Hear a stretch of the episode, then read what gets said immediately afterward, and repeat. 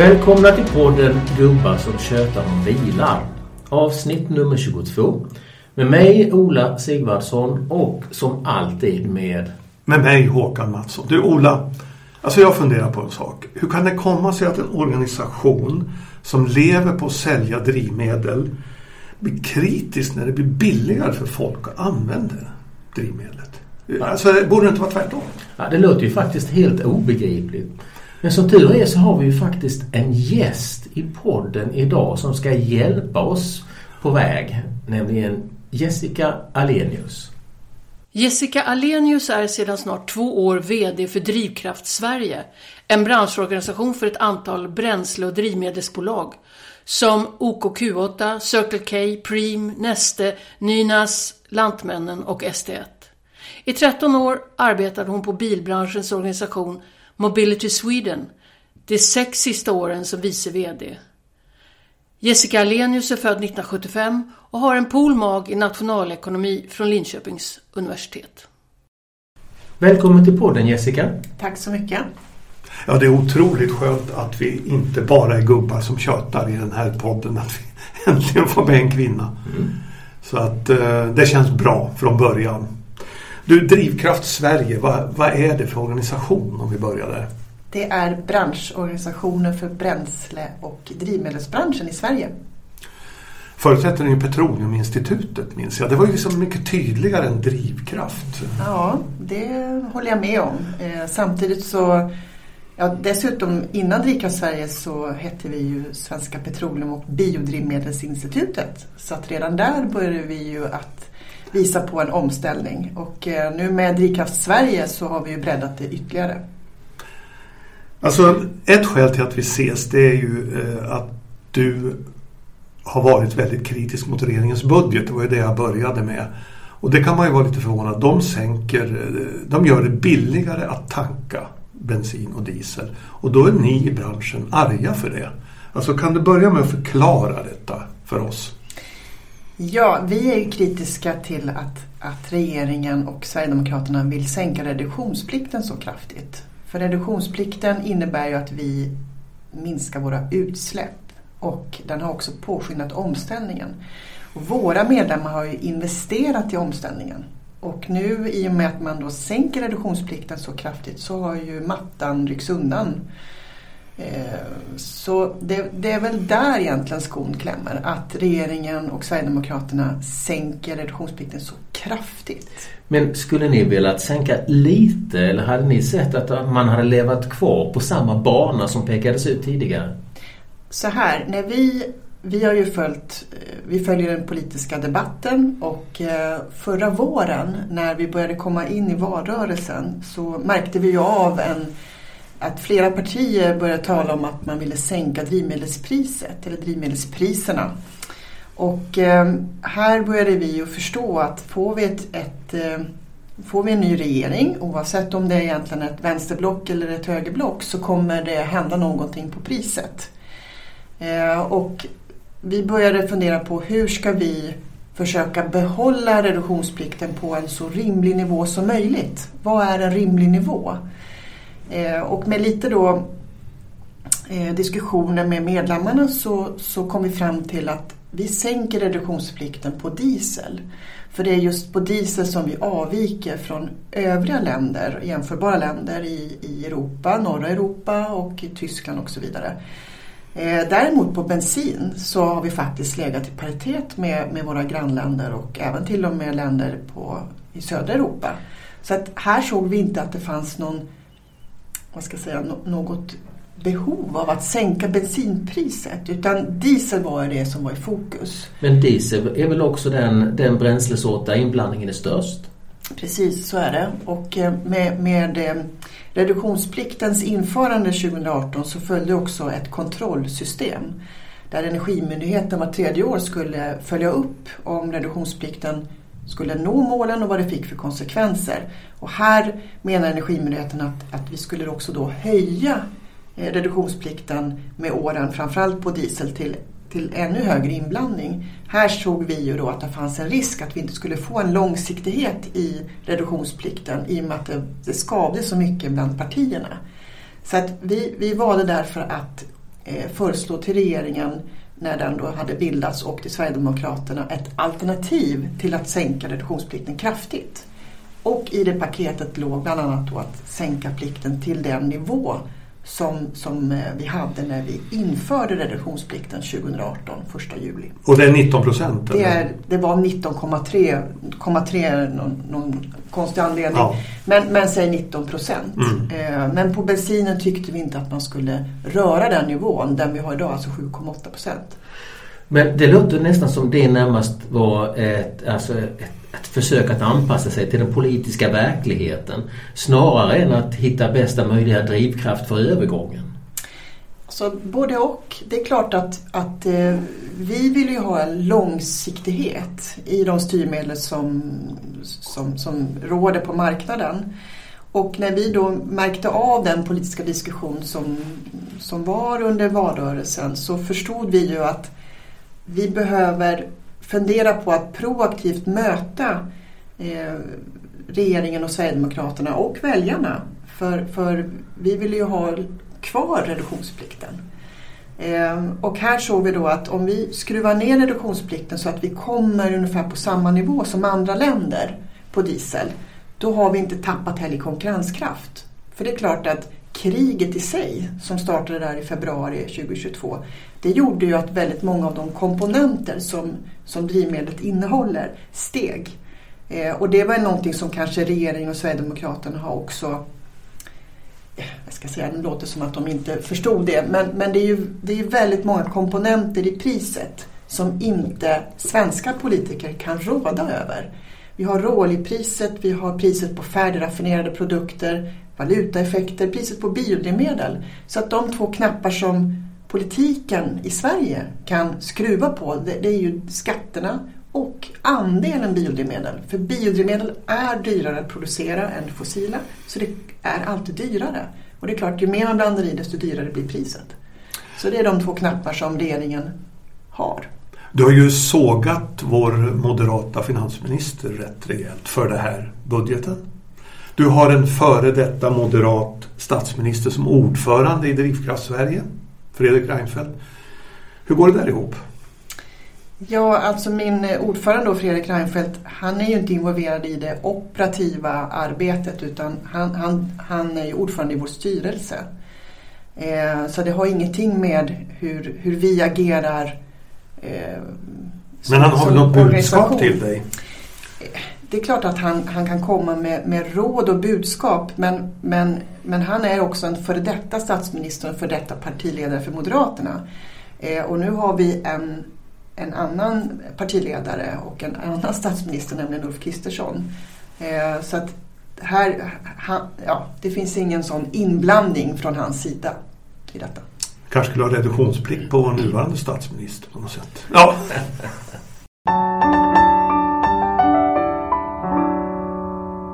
Du, alltså med de här besluten och förslagen nu, det är väl inte riktigt klubbat den reduktionsplikten när vi spelar in där. Men så säger ju regeringen själv att utsläppen kommer att öka 10 miljoner ton fram till 2030. Samtidigt så meddelar eh, då vår miljöminister Romina Pourmokhtari att klimatmålen står fast.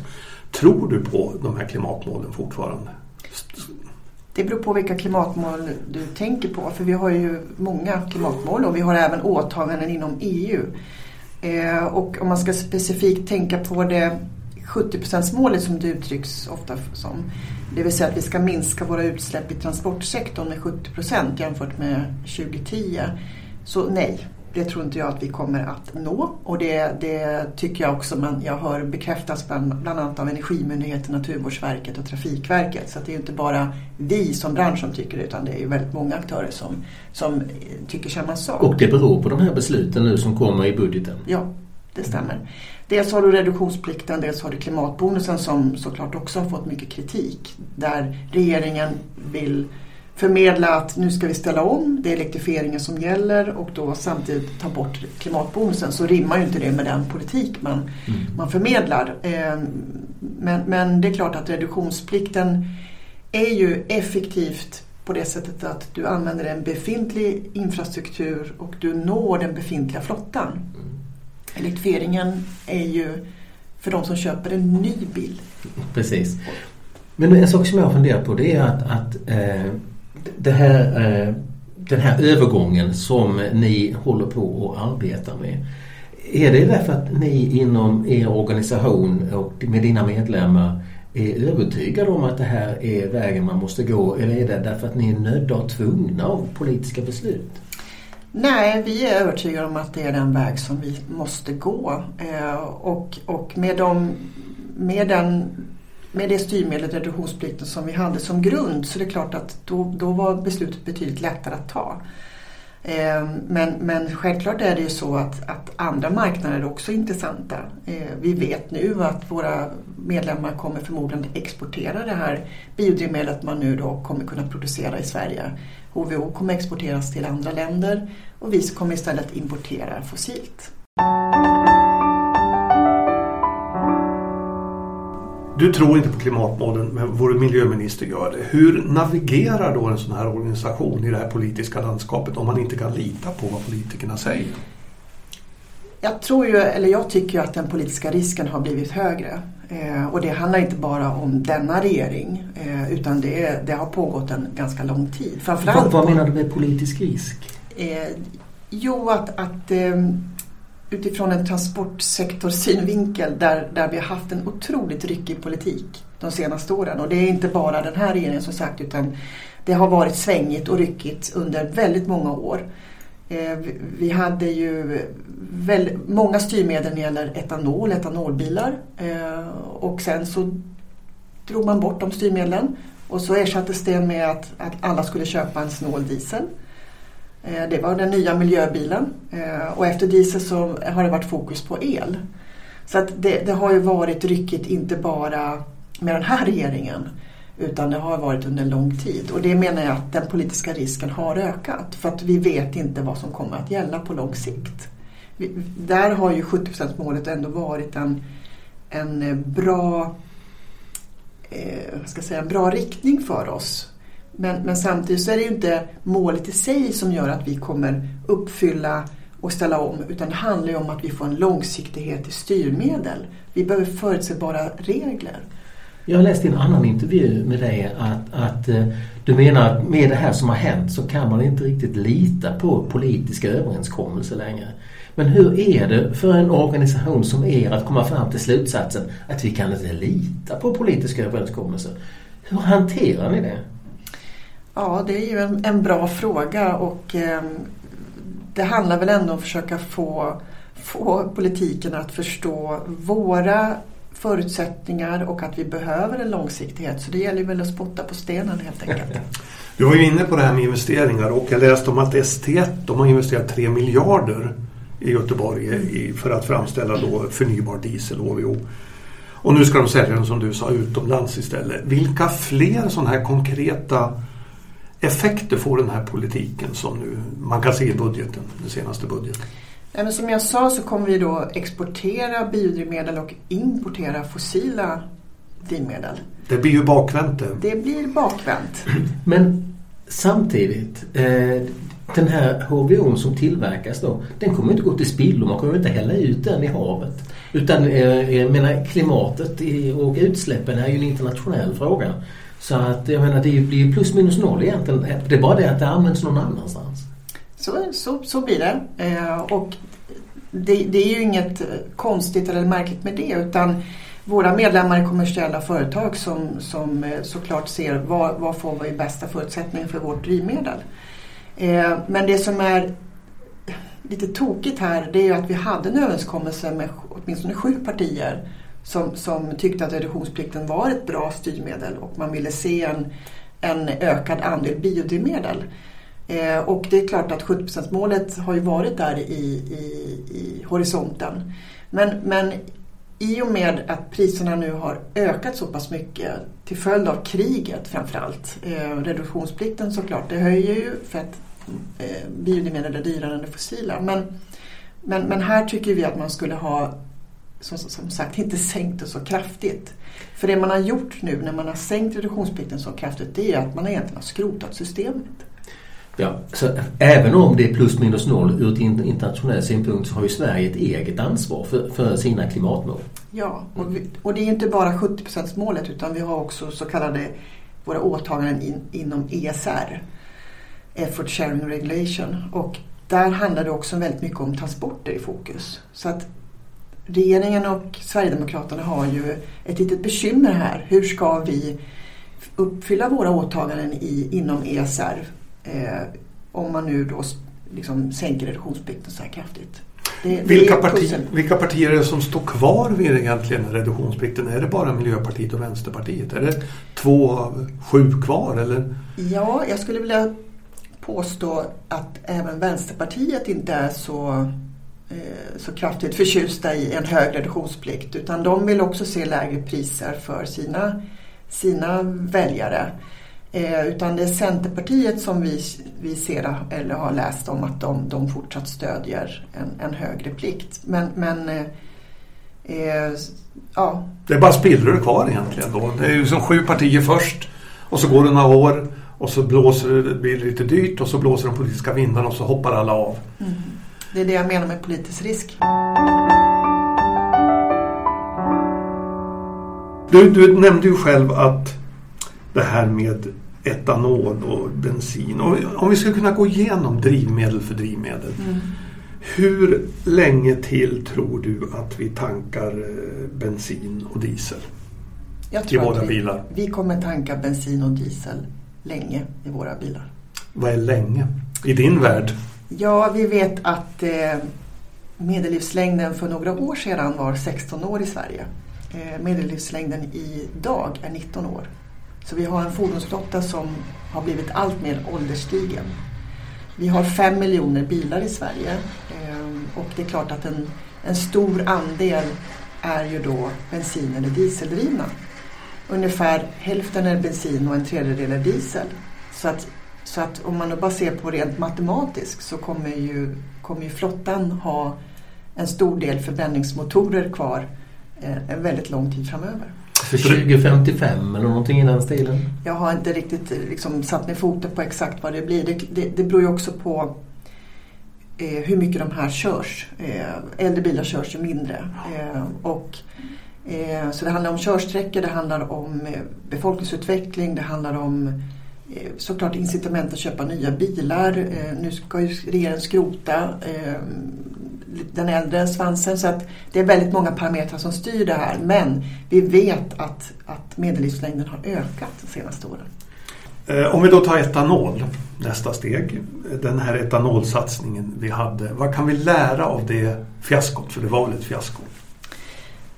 Det blev ett fiasko. Ehm, och det handlar väldigt mycket om att man inte från politikens håll vågade hålla i styrmedlen vi, vi vet att kanske spiken i kistan blev ju när man, när man tog bort fördelen för tjänstebilar. Eh, och eh, så fort det, det började svaja, det var ju väldigt mycket också kritik i media. Det handlade om att, att eh, mat ställdes mot mm. bränsle. Eh, vi vet att man pratar om motorhaverier Eh, till följd av etanol.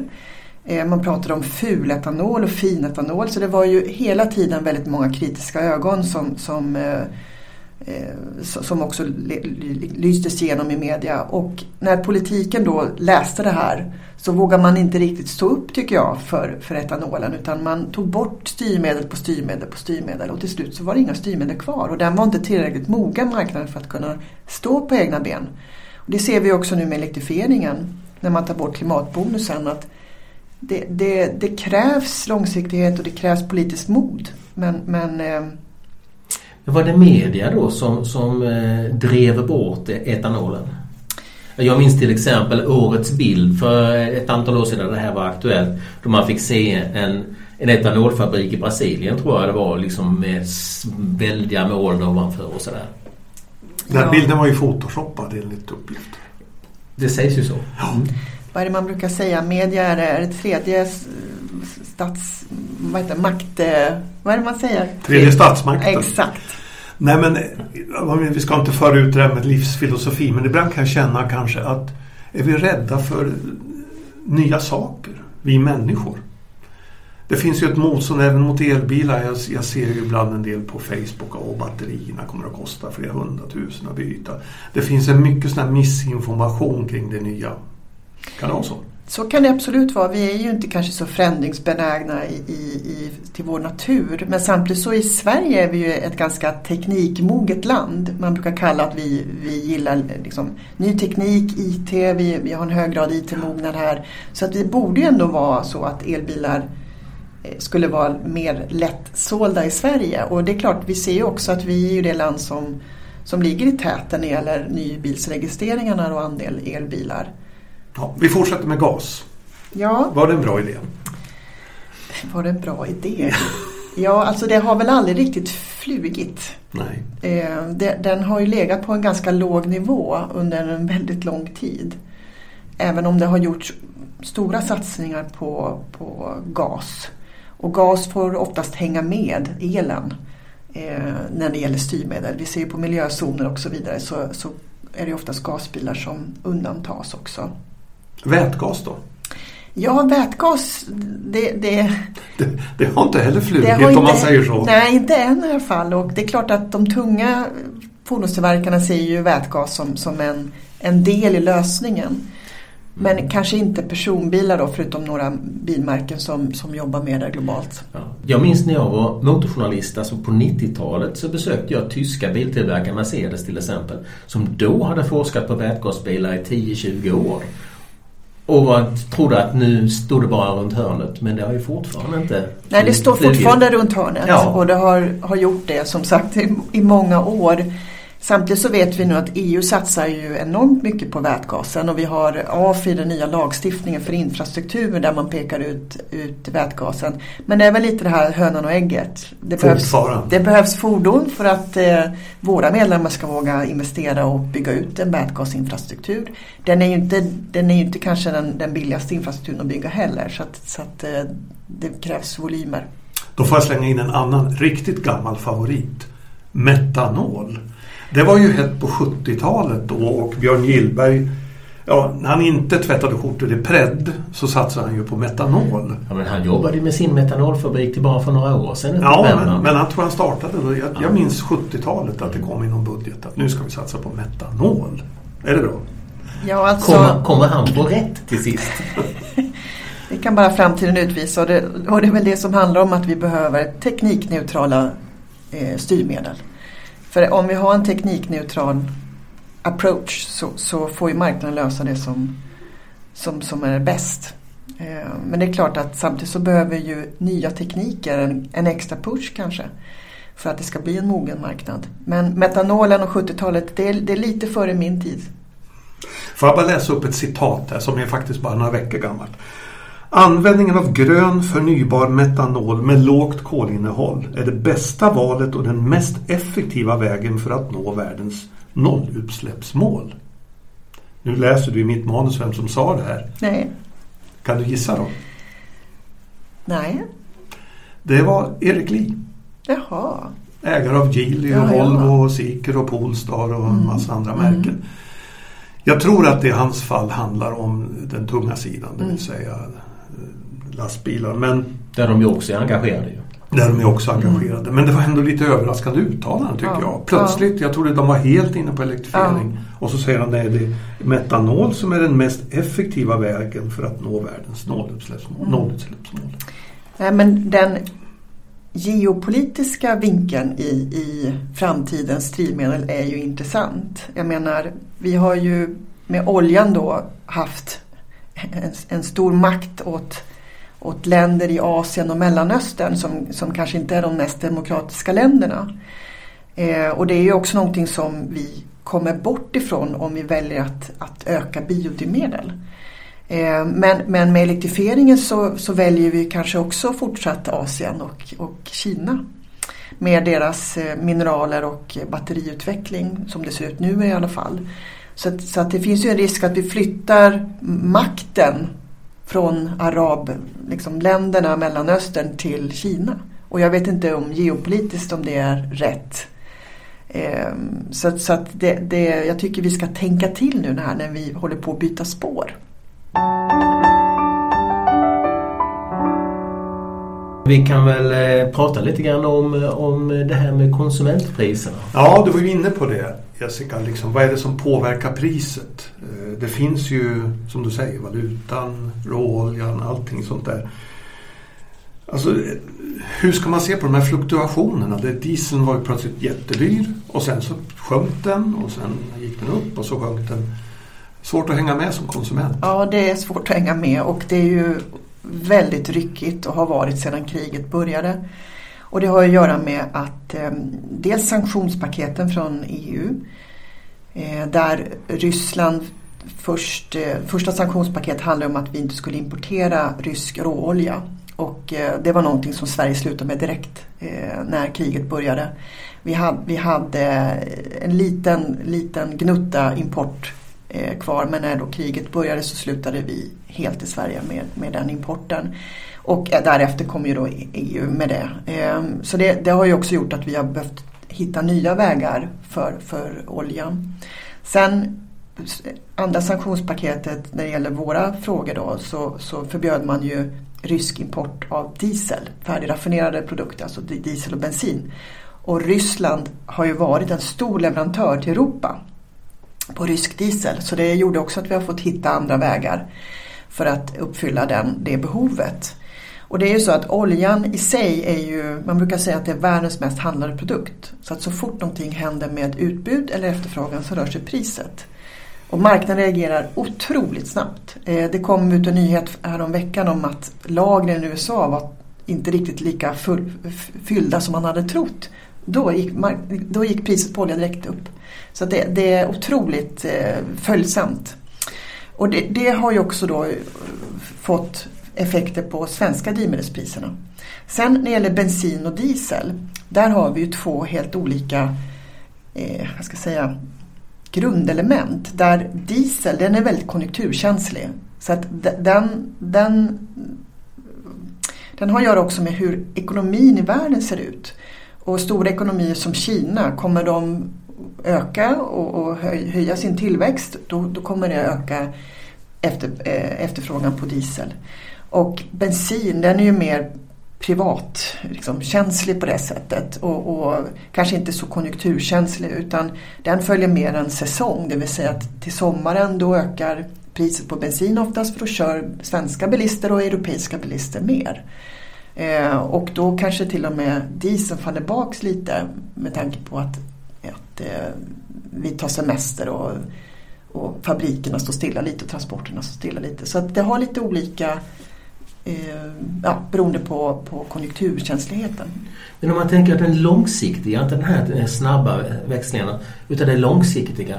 Kan man inte säga att, att, eh, att övergången till el i stora delar av världen på något sätt ändå kommer vara återhållande på priset på, på, på det fossila? Jo men det är klart att gapet mellan diesel och bensinpriser och elpriser har en betydelse på hur fort elektrifieringen går. Eh, och det är ju det som har varit eh, svårt att förmedla men, men när nu regeringen väljer att sänka reduktionsplikten kraftigt och även sänka skatterna, drivmedelsskatterna så kommer vi få se allt annat lika ett lägre drivmedelspris. Och då blir ju gapet till elbilarna större. Så det kan ju hämma möjligheten för, för åkeriet eller privatpersoner att köpa en elbil för att det kommer bli billigare att tanka din bensin eller dieselbil. Mm. Jag, jag tänkte närmast att i och med att, att, att eh, allt fler bilar blir eh, elektriska så kommer också den här känsligheten för till exempel hur fulla lagren är i USA och så bli mindre. Ja, men det kommer dröja. Alltså, vi i Sverige pratar, vi vet elbilar kommer och det går snabbt men det är fortfarande en liten del av hela flottan. Och då om man tittar ut i världen, då har du helt andra eh, scenarier också. Vi, Kalifornien kanske går lite före, Kina går lite före eh, och, och, i norra Europa, resten av världen, där, där har inte elektrifieringen påbörjats än. Mm. Det känns som det är svårare än någonsin att spekulera hur det går med priset. Kommer det att bli priskrig inom OPEC? Nu kan man enbart ägna sig åt att killgissa eller gubbgissa som det heter i den här podden. Men vågar du göra någon förutsägelse överhuvudtaget Nej. i de här frågorna? Nej, jag gör inga prisprognoser utan, utan det är så många komponenter som, som lever skilda liv som tillsammans ska då bilda ett pris på den svenska marknaden.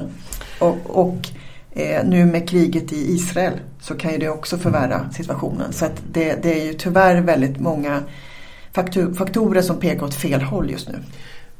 Men även om du inte kan se de, de, de stora linjerna, ingen kan ju göra det förstås. Men eh, om jag skulle köpa en bil idag, vilket vore det bästa drivmedlet? Vad skulle jag välja tycker du? Bra fråga. eh, det, det beror ju såklart på plånboken. För jag menar, att köpa en ny elbil är ju generellt sett dyrare än att köpa en, en likvärdig bil med förbränningsmotor. Sen beror det ju såklart på hur du använder din bil.